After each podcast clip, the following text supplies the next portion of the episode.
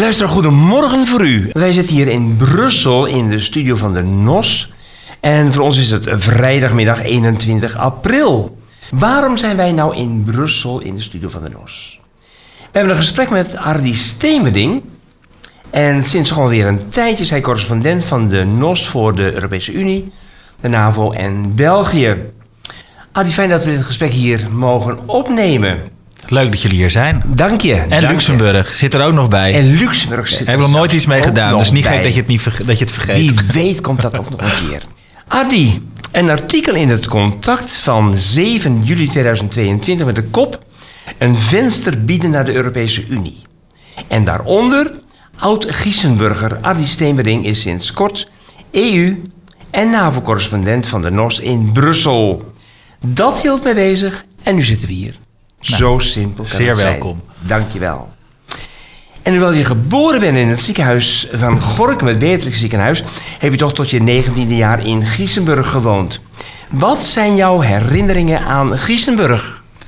Ja, daar ging ik ook weer over nadenken toen ik wist dat je deze kant op kwam. Maar dan denk ik toch heel erg echt aan mijn kindertijd. Hè? De basisschool op de eh, Hoeksteen. Buiten spelen, politie een boefje doen met eh, vriendjes bij ons in de Van Giesenburgstraat. De hutclub die ik had met een eh, buurjongen van mij, Walter Harrewijn.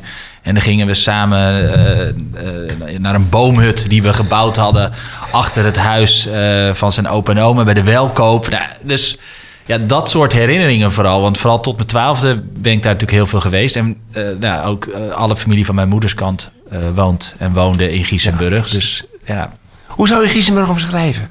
ja een heel een, een landelijk, rustig dorpje.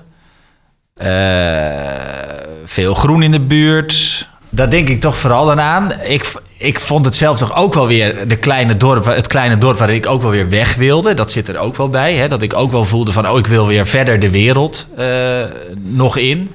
Maar ik denk toch heel erg aan het landelijke, de weilanden. De- Ja, dat beeld is bij mij het sterkst met Giesenburg. En middelbare school, waar heb je die gedaan toen? Gorkum, Gorkum. op het uh, Campusianum, het gymnasium daar.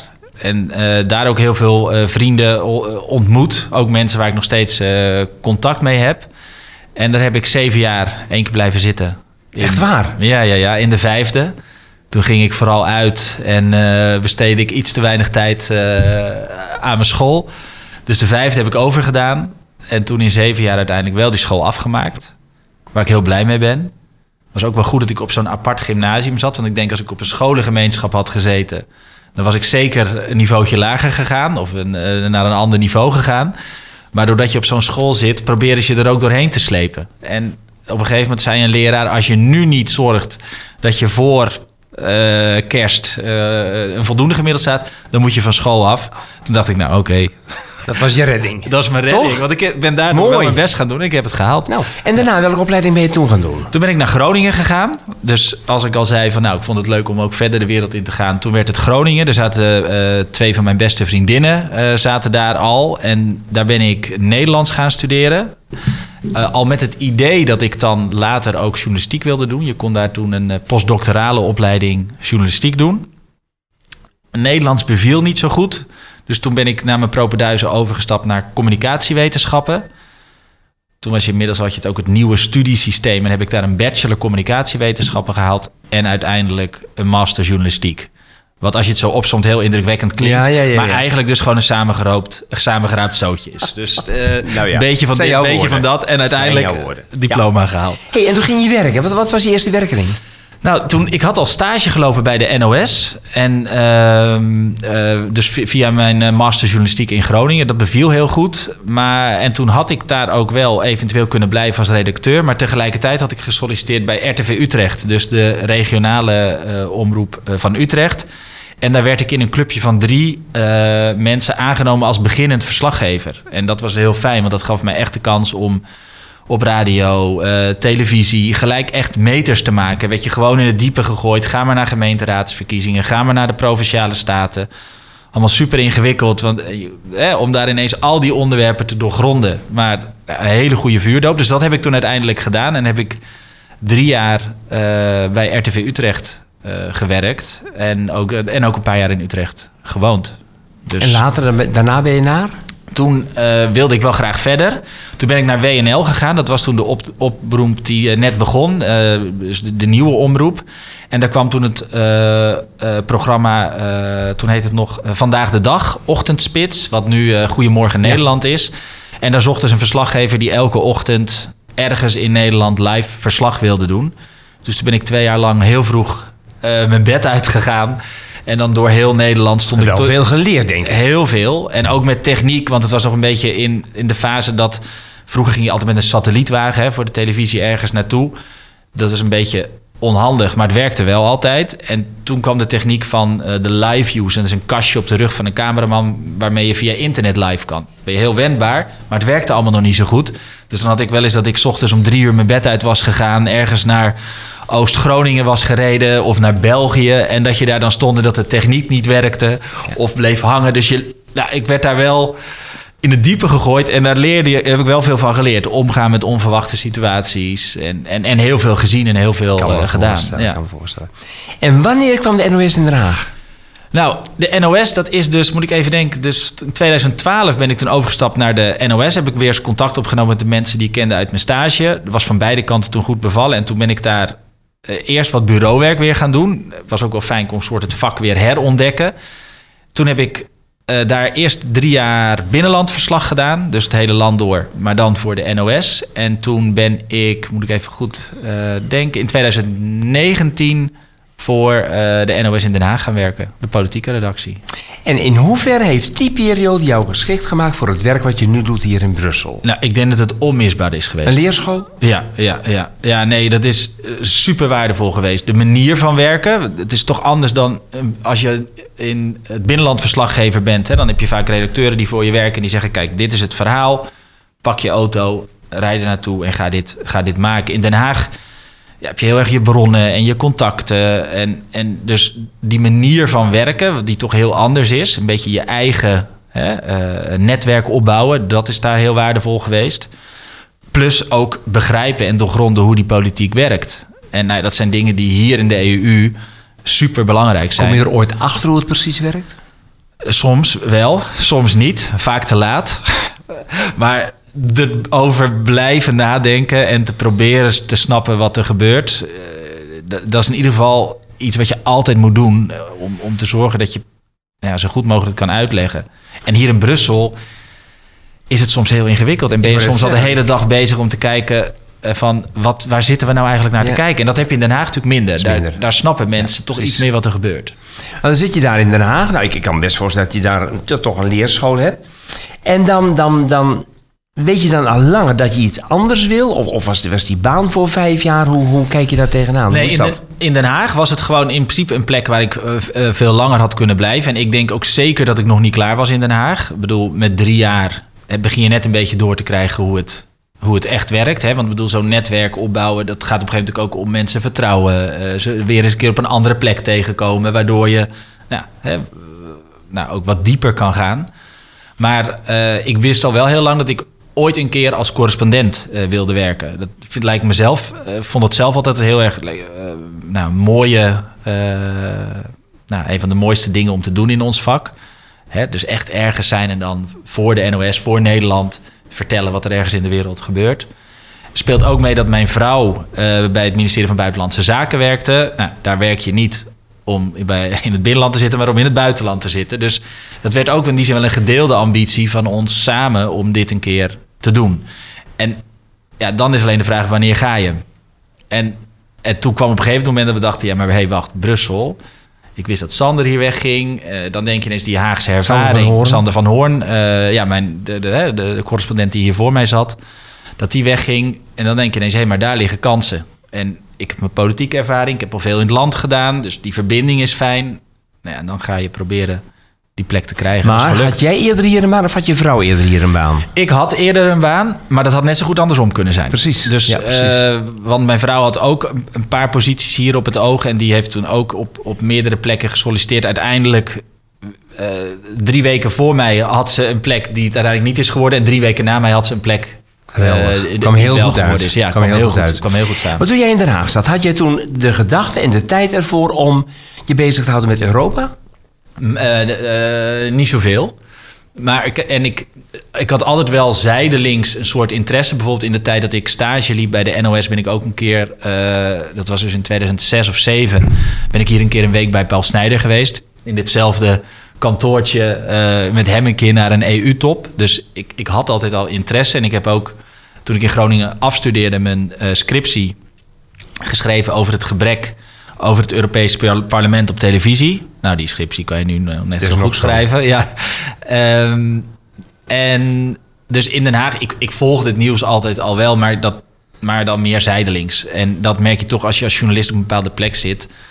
De plek waar jij, hè, dus in Den Haag volg je, volg je het, het, het politieke nieuws hè, op de millimeter. In het binnenland volg je alle, al dat soort zaken heel precies. Dus daar had je dan niet zoveel tijd voor. Maar op het moment dat ik wist dat ik hier heel graag naartoe wilde, ja, dan ga je proberen het even wat Precies. bij te houden. En s'avonds nog eens een uurtje EU-nieuws te lezen.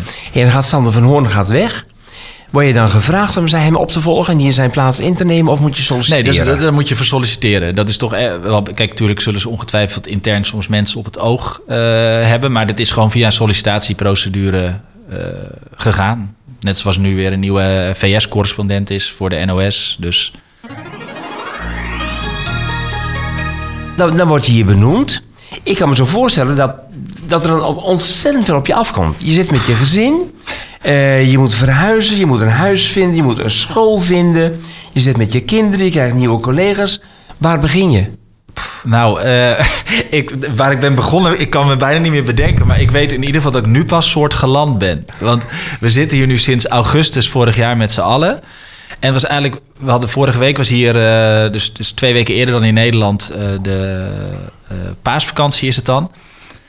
En toen pas zei ik van, ik heb nu eigenlijk het gevoel dat het een beetje tot rust is gekomen. Want het is wel echt, weliswaar maar twee uur rijden hè, vanuit Haarlem, waar ik hiervoor woonde. En nog een stukje minder eh, uit eh, Giesenburg en omstreken, zeg maar. Maar het is toch echt een heel ander land. En het is echt wel veel werk. Het voordeel is dat de NOS je begeleidt.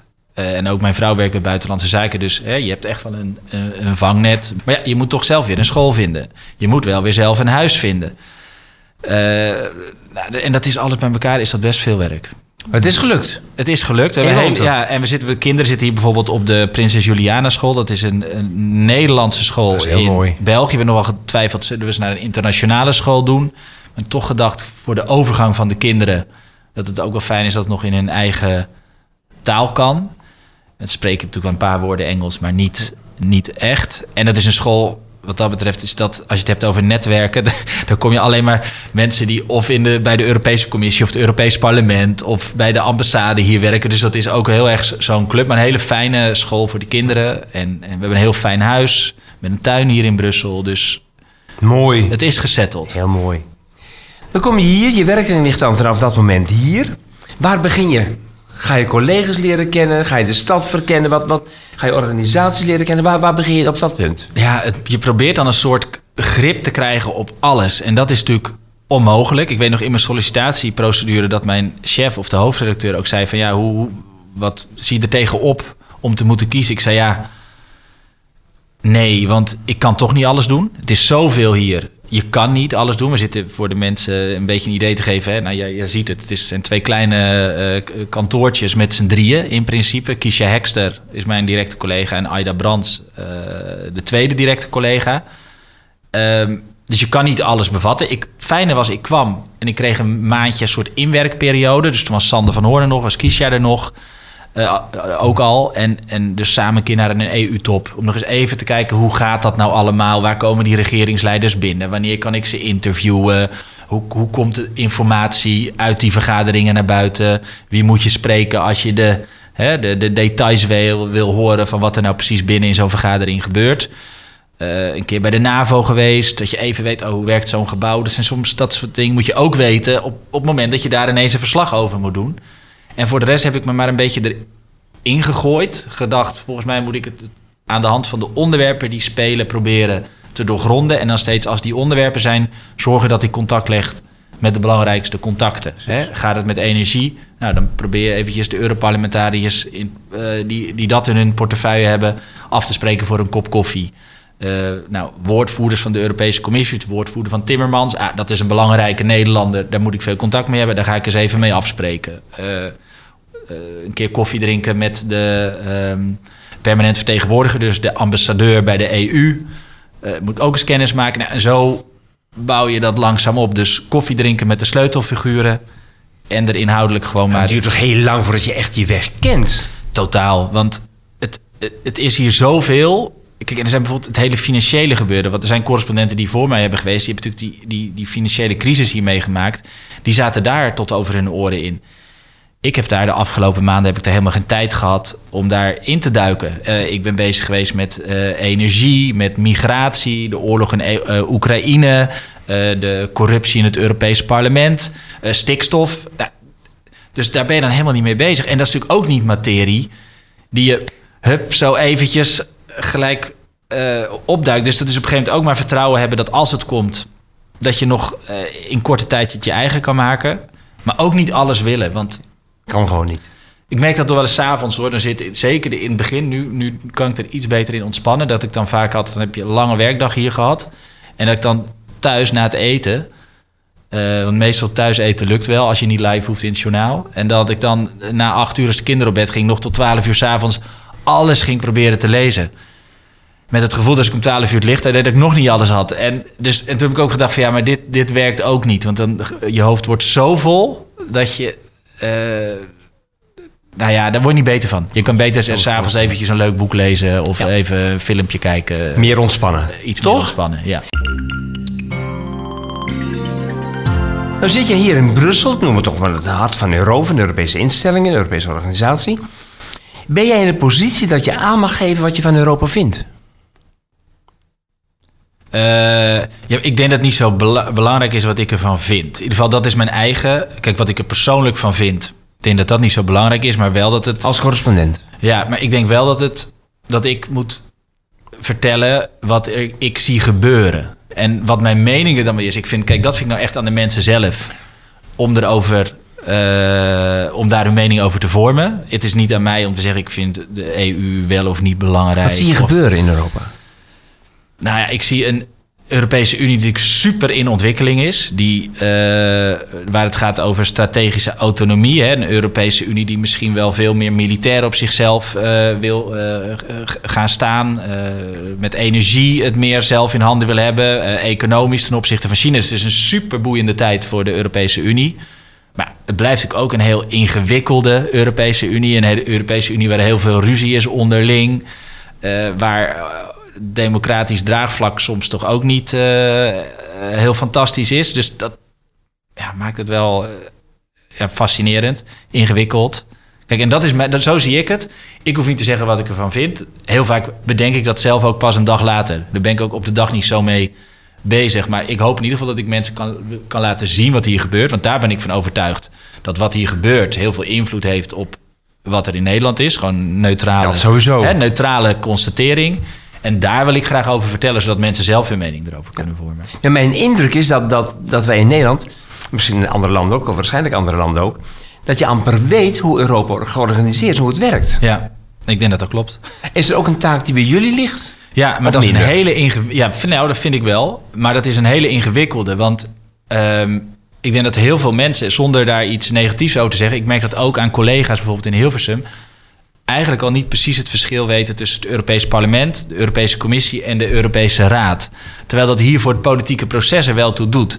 Maar het ingewikkelde is, als ik dat op televisie te veel over ga vertellen, dan weet ik dat iedereen binnen drie zinnen van mij de draad kwijt is. Dus wat ik dan toch probeer is niet te veel in, die, uh, in de mechanismen te gaan en te vertellen wat mensen moeten weten, in, in plaats van wat ik weet. Dus en Alleen moet je dan wel zorgen dat je het zo vertelt dat de mensen die wel weten hoe het zit, niet denken: wat staat die jongen daar nou voor, uh, voor, voor, domme dingen te zeggen. Precies. Maar, dus, maar ik moet zorgen dat in twee zinnen mensen snappen waarom het ertoe doet. Wat, wat is jouw beeld vanuit Nederland? Hoe dat men tegen Europa aankijkt? Ziet men het nut van Europa in? Ik denk wel veel meer. Want ik denk dat als ik kijk naar correspondenten die hier voor mij zaten, uh, die hadden ook nog weer bij elk onderwerp de vraag van: oh, waarom bemoeit Brussel zich daarmee? Nou, ik denk op het gebied van stikstof dat mensen dat in Nederland nu nog steeds af en toe zeggen. Eh, maar bij heel veel andere onderwerpen wordt er tegenwoordig eerder naar eh, de EU gekeken als uh, waarom doen we militair niet meer richting Oekraïne of China?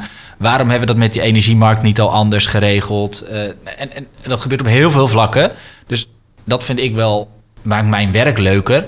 Ik hoef niet al die skepsis in elk onderwerp te behandelen. Want dan moest je vroeger altijd eerst uitleggen waarom de EU er wat van vond. Nu mag ik gewoon nou, vertellen wat de inhoud is. En dat vind ik er leuk aan. Dus is ik het lastig om dat neutraal te doen, Harry?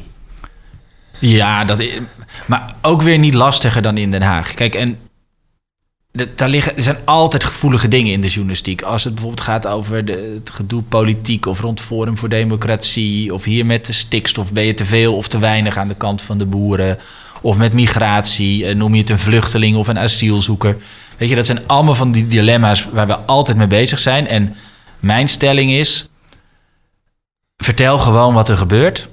Je, en dan is het altijd oké. Dus ik, ja, het is moeilijk, maar het hoort er nou eenmaal bij. Ja, precies.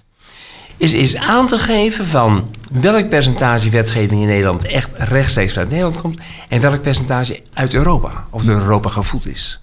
Uh, daar ben ik nog niet. Dit is nou, nee, nee, maar dat is nou echt. Ik, ja, dat, dat weet ik eigenlijk niet. Het is interessant om eens uh, uit te zoeken. Maar eh, als ze dit in de sollicitatieprocedure mij hadden gevraagd, had ik moeten zeggen: ik, dit antwoord weet ik niet. Ik heb wel eens gehoord 60% uit Europa en 40% uit Nederland zelf. Nou ja, hier. In ieder geval de meerderheid. Ja, terwijl als je kijkt in Nederland, waar kijken we vooral naar? Naar wat er in Nederland gebeurt. Dus dat geeft toch wel aan. Ja. Uh, en waarom vraag ik dit ook? Die verhouding heb ik ooit gehoord bij, bij bezoek hier aan het Europees Parlement in Brussel en in Straatsburg. Dat je zegt, jullie zijn hier met z'n drieën. In Den Haag, ik mag het niet zeggen misschien, maar stikt het van de journalisten. Ja. En jullie zijn hier met z'n drieën. Ja. Die verhouding is toch totaal zoek? Ja, en zeker als je dat ook afzet tegen uh, de enorme communicatieapparaat hè, wat je hier over je heen krijgt. Want je hebt hier alles van de Europese Commissie, van de, al die berichten. Ik zei net aan het begin al even, het kiezen is zo moeilijk. Ik kan niet eens lezen wat er allemaal voorbij komt op een dag. Het is een, met als risico dat we alleen maar achter de plannetjes aanlopen die de Europese Commissie publiceert. Ja, die moet je ook wel volgen. Maar ik zie het wel ook wel als mijn taak om die plannen te controleren. Of om achtergrond. Hoe haal je er nou uit wat voor jou van belang is? Ja, een beetje op gevoel. Gevoel. Uh, door met mensen te praten. Door te voorkomen dat je verdrinkt in al die mails. Door het nieuws zo goed bij te houden dat je wel ook. Dus heel veel, heel veel te lezen wat collega's doen. Uh, zodat je ook soms binnen één of twee seconden een mail kan selecteren of weg kan, weg kan gooien. En door voor een deel te accepteren dat je niet alles kan doen. En weet je, dat is weer het voordeel van de EU. Het gaat hier altijd zo langzaam met de wetgeving. Dat als je het nu niet doet, kan je het ook over een maand nog wel doen. Dus dat is. Dat scheelt. Dat is een voordeel. Ja, maar dat is wel echt dat is ja. een voordeel. Kijk, en dat we ook focussen op Nederland is natuurlijk ook niet zo gek. Ik bedoel, dat is meer nabij. Het is soms ook ingewikkelde wetgeving hier, kaderwetgeving. Dus ja, dat we ook naar Nederland... Ja, je hebt net een aantal thema's genoemd die op dit moment een rol speelt in Europa. Wat is nou het thema waarvan jij zegt dat is het meest belangrijke op dit moment voor Europa? Maar dat is dan toch overkoepelend, is het de oorlog in Oekraïne. De oorlog. Ja, die toch aan alles... Dat hadden we dan ook in mijn. Ik ging solliciteren ongeveer op het moment dat uh, Rusland Oekraïne binnenviel. En ik denk dat toch eigenlijk op alle, bijna alle vlakken raakt dat de EU. Uh, financieel, uh, met migratie, met defensie. Het, is zo energie. Dan geef je Oekraïne aan, dat kan ik me voorstellen. Maar je bent ook correspondent voor de NAVO hier. Wat is dan de link voor jou tussen je werk voor de NAVO en de link voor de Europese Unie? Nou, maar ook daar zou ik nu weer zeggen, die oorlog in Oekraïne. Want er zijn voorgangers van mij die deden met de NAVO eh, twee keer per jaar een top. En daar was het wel. Ja, dat was allemaal niet zo spannend. Maar nu is eh, NAVO is natuurlijk gewoon ineens eh, ook gewoon in het middelpunt van uh, de belangstelling. Kijk, ik denk wel 80% van mijn tijd besteed ik aan de EU. Of 75 of zoiets. En dan denk ik 10% België, 10% NAVO. En die andere 5% doe ik niks. Of Luxemburg. Of, Luxemburg. en... Uh, wat, wat volg je in Luxemburg trouwens? Nou, dus het land. Het land zelf. Ja, het land zelf. En je hebt daar natuurlijk. Ik ben er toevallig pas even een keer geweest, omdat we Europees Hof van Justitie bijvoorbeeld zitten natuurlijk. En soms vergaderen de ministers eh, van alle EU-landen niet in Brussel, maar in Luxemburg. Dus dan ga je daarom daar naartoe. Dus maar. Nee, kijk, en. eh, ja, de NAVO is het nu toch gewoon het, hele militaire, de uitbreiding. Is natuurlijk een heel bijzonder moment dat we ineens Zweden en Finland erbij hebben gekregen. We krijgen straks weer de NAVO-top waar, of nou Zweden, Zweden er nog niet bij zit, maar Zweden er misschien ook bij komt. Eh Zelensky, de president van Oekraïne, komt daar naartoe. Oh, die komt. Die, ja, dat is, ja, die valt, die, gisteren is eh, NAVO-chef Stoltenberg is bij hem geweest, heeft hem uitgenodigd. Dus nou, komt Oekraïne ooit bij de NAVO? Weet je, ze spelen zulke grote... Wanneer is die top van de NAVO?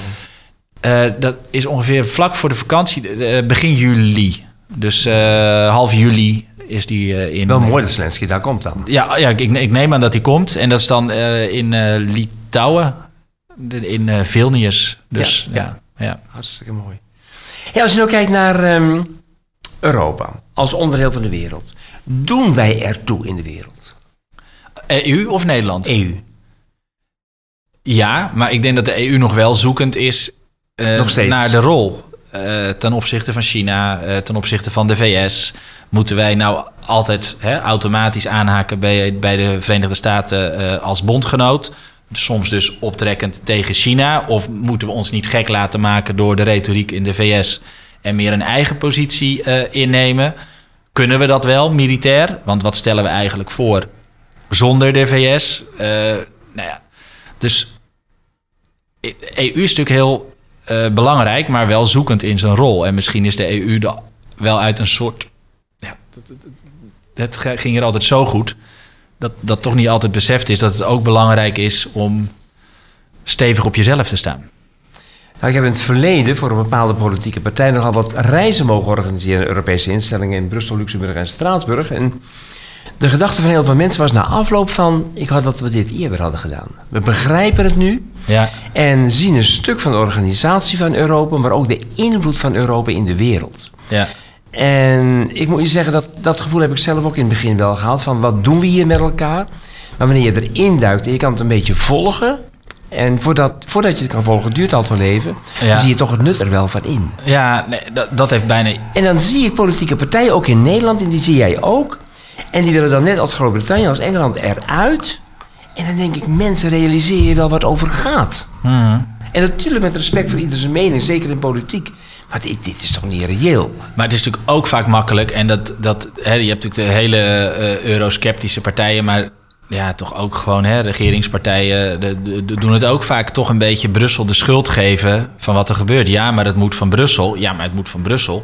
Eh, in Brussel heb jij als minister zelf je handtekening gezet eh, onder een plan. Want anders gebeurt het niet. Klopt. Dus, eh, en, en dat zie ik wel als mijn taak. Nog even los van of je het dan goed vindt dat die plannen er komen of niet. Maar ook om wel die vragen te stellen. Van ja, ho, u kan nou wel zeggen dat stikstof moet van Brussel. Maar eh, u heeft hier toch zelf mee ingestemd, minister? Of, Ja. En dat, dat, dat zie ik als mijn rol. Zie je binnenkort een uitbreiding van de Europese gemeenschap? Ja, het lijkt er wel op. En, en er komt er als eerste bij, Ja, Ja. denk je?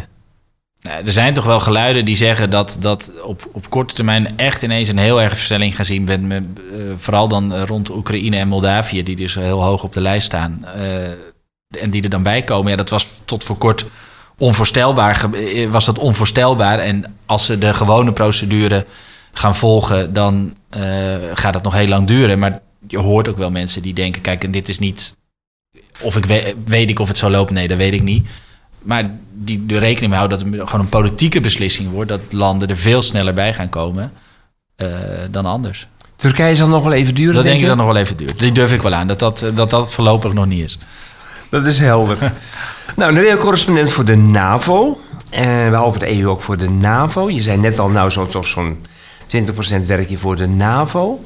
Eh, hoe zie je de rol van de NAVO op dit moment in de wereld? Ook ten opzichte van Oekraïne. Dat is heel belangrijk, maar dat is ook een hele, hele gekke rol. Want er is natuurlijk heel veel wapensteun vanuit NAVO-landen. Maar officieel is dat nooit door de NAVO. Want dan heb je van die landen die met elkaar overleggen. Maar dat is eigenlijk nooit onder NAVO-vlag. Maar dat is natuurlijk een beetje een, een theoretische eh, situatie. Want Stoltenberg was eh, gisteren in Oekraïne. Dus ja, speelt natuurlijk een hele belangrijke rol. Maar NAVO blijft natuurlijk bij. We willen niet zelf direct in strijd zijn met Rusland. Nou, daar kan iedereen wel bedenken hoe, wat voor situatie je dan uh, zou krijgen. Dan heb je een directe confrontatie tussen de NAVO-landen en Rusland. Maar zonder de wapensteun van de NAVO-landen zouden we nergens zijn. En het is niet voor niks dat Stoltenberg er ook zoveel over zegt. Dus ja. Andere vraag tussendoor. Reis je veel? Ja, ik ga bijvoorbeeld. Uh, na afgelopen periode was het even iets minder. Was er veel nieuws hier uit Brussel. Maar ik ga uh, maandag ga ik naar Polen. En we nou bijvoorbeeld voor de komende periode hebben we nog een EU-top staan in Stockholm, waar we naartoe gaan, in Zweden. We gaan dus naar Litouwen, naar Vilnius. En wat komt er nou verder nog? Straatsburg heb je natuurlijk, het Europees uh, Parlement. Daar zijn jullie altijd als er een nou, Nee, niet altijd. Of één van ons gaat. En soms is dat is dus ook, hè, soms is het gewoon kiezen. Heb je het gevoel dat er hier een belangrijke verhaal speelt en dan zeggen we gewoon we zijn er niet bij bij het Europese parlement en dat is dan Zo'n reis naar Polen, bereid je die zelf voor of wordt die voor je voorbereid? Dat is een soort samenspel. We hebben, ik heb dus Aida, die werkt hier ook als uh, redacteur. Dus dan nou, sparren we samen over wat kunnen we daar nou eens maken. Het gaat trouwens over uh, uh, de problemen die Poolse boeren hebben door al het Oekraïense graan dat nu in de EU is. De prijs daalt, uh, boeren blijven met graan zitten, dus die zitten, zitten in de problemen. Um, maar wat we ook doen, hebben bijvoorbeeld een, iemand in Polen die we inhuren dan voor vandaag. Die is ook een journalist, die werkt ook voor, voor Trouw onder andere. En, en die gaat dan daar bijvoorbeeld op zoek naar een, boer en gaat ook met ons op pad.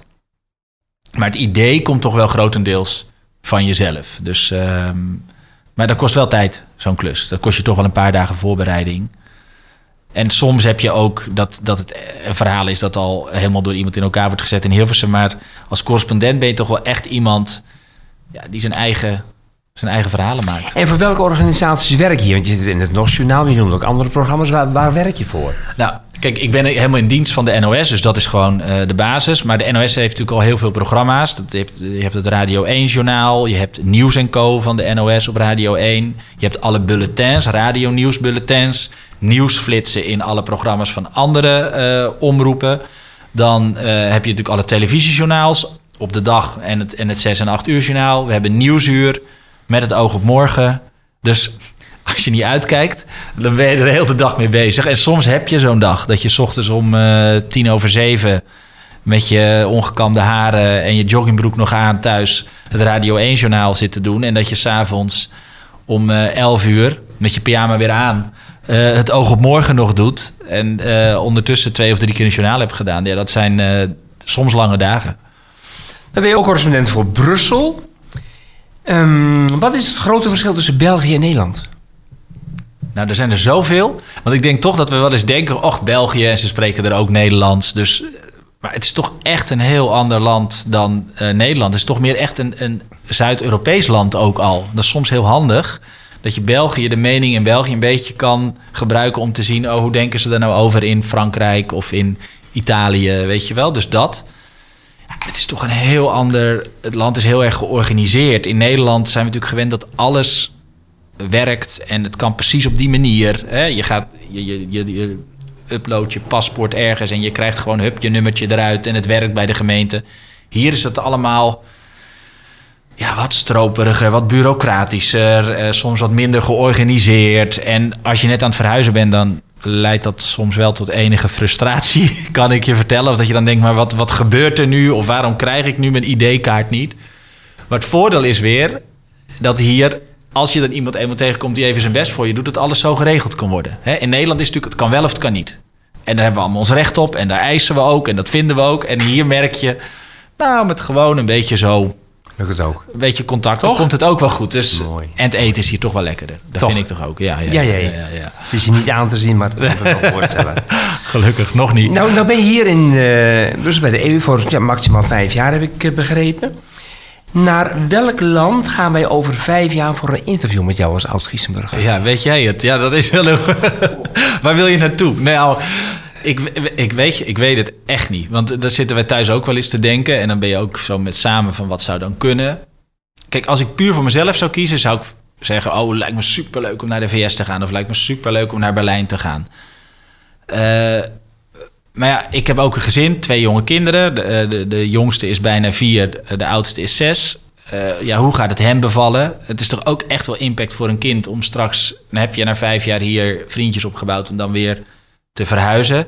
Ga je dan nog een keer naar een buitenland? Betekent dat ze daarna weer terug naar Nederland moeten. Dus ja, dat zijn wel dingen die voor mij als ik, ja, heel belangrijk zijn en die echt wel ook meespelen straks bij die keuze. Dus Heb je dan een carrière die je wel uit kan stippelen? Nee, maar dat wil ik wel altijd heel graag. En ik ben er ook altijd al over aan nadenken. Maar wat ik wel merk, ik vind dit zo leuk dat ik deze post nu heb gekregen. Dus dat ik ook blij ben dat ik dit bereik heb. Dat het me ook wel een soort ontspanning geeft.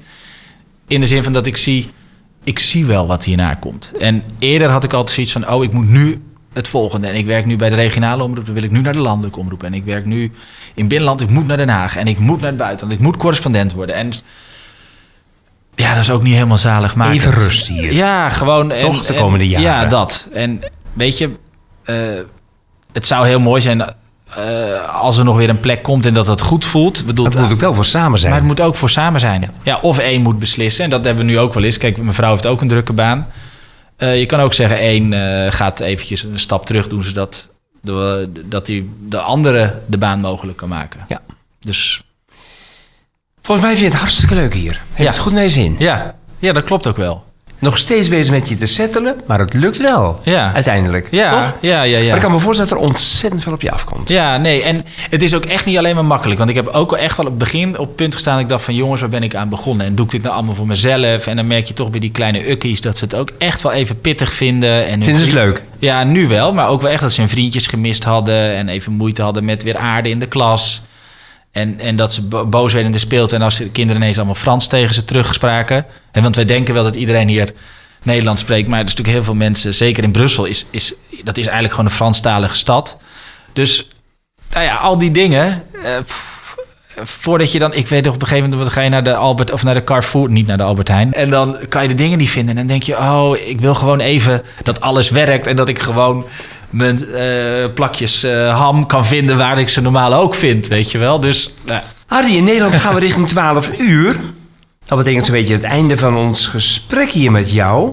Heel leuk om hier te zijn. Leuk Heel er interessant om met, eh, met jou het gesprek te hebben. En we wensen jou uiteraard heel veel succes samen met je vrouw en met je kinderen. Met het werk wat jij en jullie hier in Brussel doen. dankjewel. Luisteraar, dat was het weer voor deze morgen.